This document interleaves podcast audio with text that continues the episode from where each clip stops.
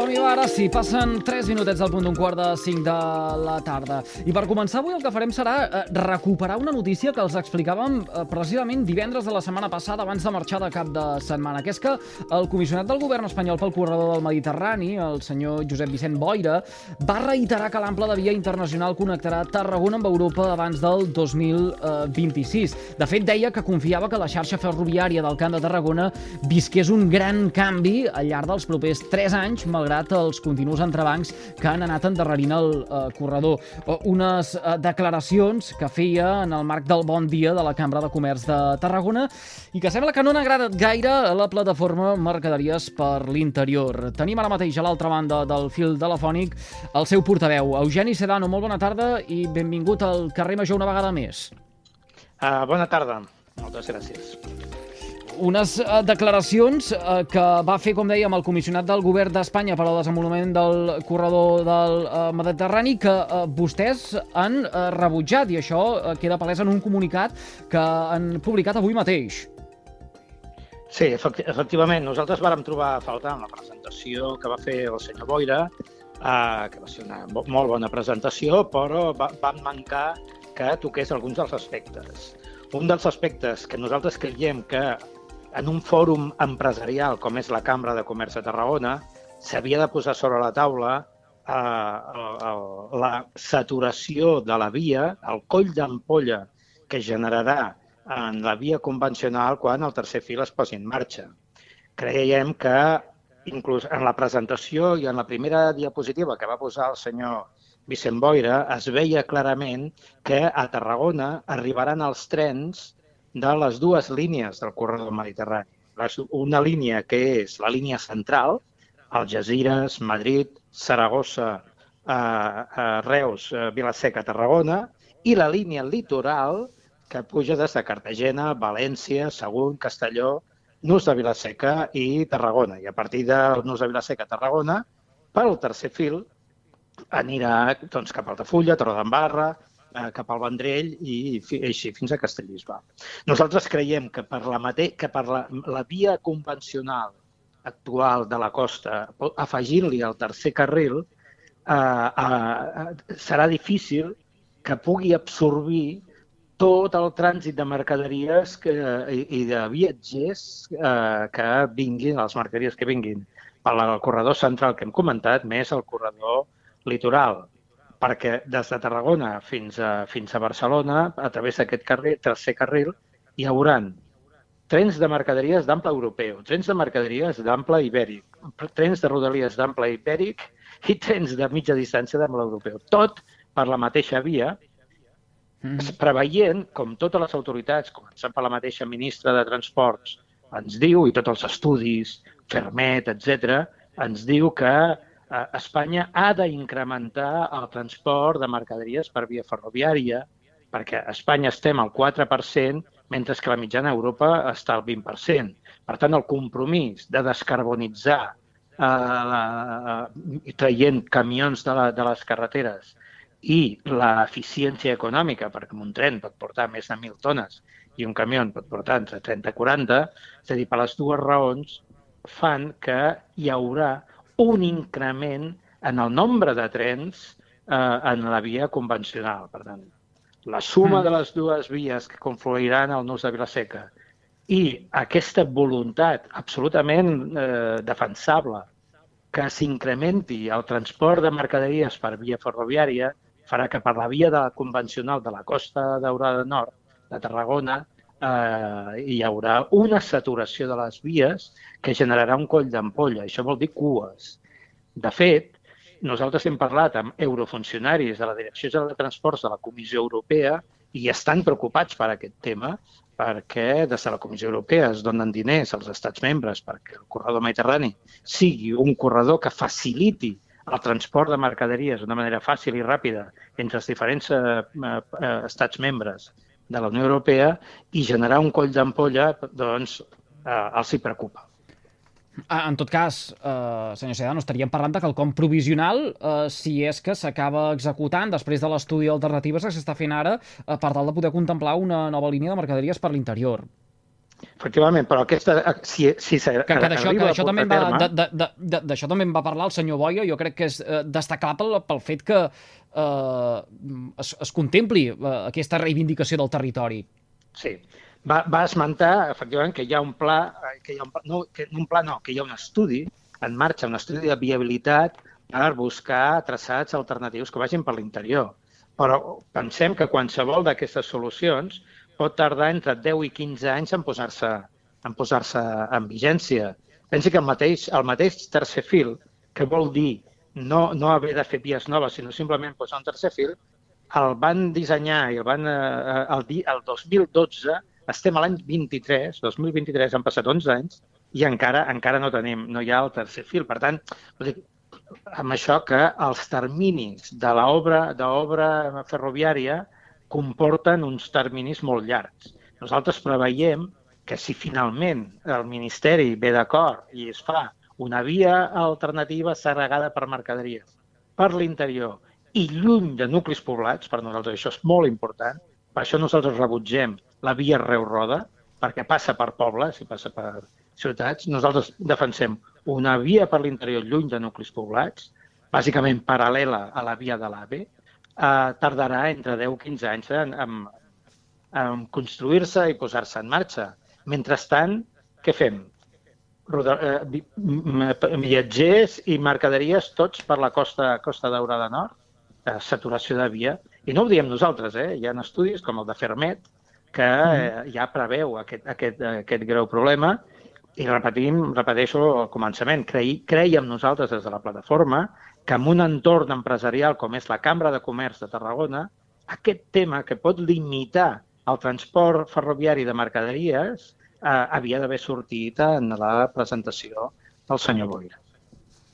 Senyor Sedano, eh, en tot cas, tornant al comunicat, que, eh, per cert, jo he dit eh, abans en la introducció que eh, l'havien emès avui mateix. No, eh? eh? Està emès en data de 23 d'abril, per tant, d'ahir eh, eh, diumenge. Sí. En, en tot cas, eh, fet aquesta correcció eh, sí. per part eh, meva, a, a mi el que em crida molt eh, l'atenció del, del comunicat eh, són eh, unes declaracions que vostès destaquen del senyor eh, Boira, en què parlen d'alarmisme turisme. Eh, el senyor Boira deia no podem pensar que el corredor és un problema de seguretat ciutadana o de salut pública.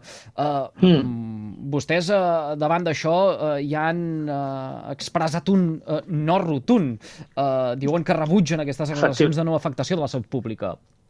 Efectivament, nosaltres hem, hem de ser conscients que eh, un 25% del transport ferroviari és de mercaderies perilloses i, per tant, hi ha un risc inherent a aquest transport. Simplement ho hem de posar sobre la taula, és a dir, hem de ser conscients que part, una part dels, tren, dels trens porten, eh, un 20 o 25% dels trens porten aquestes mercaderies perilloses. Això d'una banda.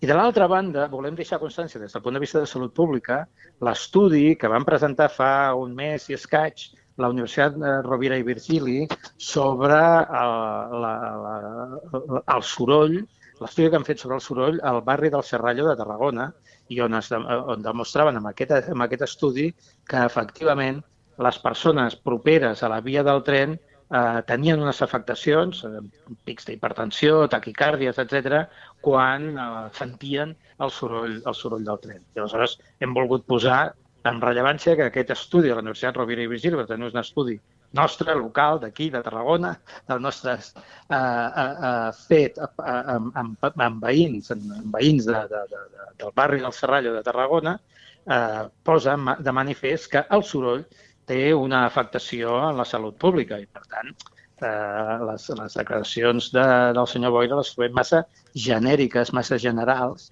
i, i nosaltres no volem crear alarmisme, però sí que volem ser conscients del risc que comporta el trànsit de trens al costat de les zones poblades. I per això demanem que les, les mercaderies han de passar per una via segregada lluny de nuclis poblats. Mm. Uh, què, què n'esperen uh, després d'haver difós, com dèiem, aquest uh, comunicat, senyor Sedano, alguna correcció per part del senyor Boira, que sigui més precís, el, uh, algun tipus de resposta per part de la Cambra de Comerç de Tarragona, ja que uh, la interpel·lava ara en un parell d'ocasions? Mm. Bé, nosaltres el que hem demanat ara amb el senyor Vicent Boira, de fet, aprofitant que venia a Tarragona, li vam enviar un, un correu dient, no, aprofitant la benentesa que vostè estarà aquí a Tarragona, si podem trobar mitja horeta d'espai en la seva agenda per poder fer aquests comentaris, no? presentar-li la, la, la proposta de via definitiva que fa la, la plataforma un cop escoltats l'Ajuntament de Reus, l'Ajuntament de Tarragona, l'Ajuntament de Vilaseca, l'Ajuntament de Roda l'Ajuntament de, del Vendrell, i aleshores escoltats, eh, més la Càmera de Comerç de Reus, la, la, la EQT, escoltades totes aquestes organismes, entitats, institucions, des de la plataforma ens hem atrevit a dissenyar un, una, una via alternativa per les mercaderies que passa lluny de nuclis poblats, repeteixo, fonamentalment al costat de la via de la via de l'AVE. Uh, a nosaltres ens hagués agradat uh, parlar amb el senyor Boira per presentar-li aquesta proposta, que és una proposta, es pot dir, acceptada pel territori, uh, per tots aquests ajuntaments que hem comentat, però em va dir que, ens va dir que tenia l'agenda ocupada i que ens donaria hora per poder anar o a València o a Barcelona a veure'l. Doncs esperem nosaltres, eh, no defallim i esperem doncs, que efectivament el senyor Boira ens dongui hora sigui a València, a la seva oficina central o a l'oficina que té el corredor mediterrani a l'estació de França de Barcelona. Allà anirem i li explicarem aquesta, aquesta voluntat de via definitiva eh, per l'interior lluny de nuclis poblats i la solució provisional que nosaltres demanem és que, que és que durant, mentre es fa la via definitiva eh, s'utilitzi eh, s'utilitzin 27-30 quilòmetres de l'AVE entre l'estació de camp i l'Arbós. Hmm. Uh, ja per acabar, uh, senyor Sedan, una darrera uh, pregunta entorn del Banc Europeu d'Inversions, que és qui finança precisament el uh, corredor mm. del Mediterrani, i diuen en aquest comunicat uh, que està uh, revisant tot aquest munt de dubtes que hi ha entorn de uh, l'execució de les obres i al final com acabi uh, esdevenint uh, tot aquest... Efectivament, des de la plataforma es va presentar un, un escrit al Banc Europeu d'Inversions, perquè és qui finalment financia els estats membres amb aquestes eh, obres eh, paneuropees, eh, com és el corredor mediterrani, que rep un percentatge important d'inversions que ve de fons europeus, vàrem comunicar al Banc Europeu d'Inversions que eh, dubtàvem dels estudis de, sobre d'impacte medioambiental que havia presentat eh, doncs, ADIF o, o el Ministeri per, per captar aquests fons. I aleshores el Banc Europeu d'Inversions s'ho va, va estar mirant durant uns mesos i fa poques setmanes ens va contestar que obrien un expedient informatiu per indagar i, i, i aprofundir sobre, sobre aquests informes en relació al corredor, al corredor mediterrani eh, a les nostres comarques, no? bàsicament eh, a les nostres comarques de Tarragona déu nhi senyor Sedano. Tinc la sensació que cada vegada que parlem eh, tenim un capítol més d'aquest serial que es diu eh, Tercer fil ferroviari, corredor mediterrani, les mercaderies eh, per la costa o bé per eh, l'interior. Tinc la sensació que quan parlem de, de mobilitat, al nostre territori, eh, ostres, eh, quedem sempre com encallats. I això només, no, no, no només em passa amb vostè, sinó també quan eh, ens eh, visita, per exemple, la plataforma en defensa del transport públic. Uh -huh. Doncs sí, bé, nosaltres no podem fer altra cosa que posar de manifest que la solució en el tema del trans, de, de, de trens, no? de, de vies ferroviàries, la solució de posar el tercer fil en una via convencional del segle XIX, que en el segle XIX els trens es feien i es dissenyaven i es construïen les vies de trens per unir pobles i ciutats, no és la, la millor solució, al contrari, és una solució, una mala solució per les necessitats de transport logístic del segle XXI, on les necessitats són es carrega en un lloc i el tren ha d'anar a descarregar al lloc de destí, sigui Stuttgart, sigui Rotterdam, sigui Hamburg o sigui Lió, sigui on sigui.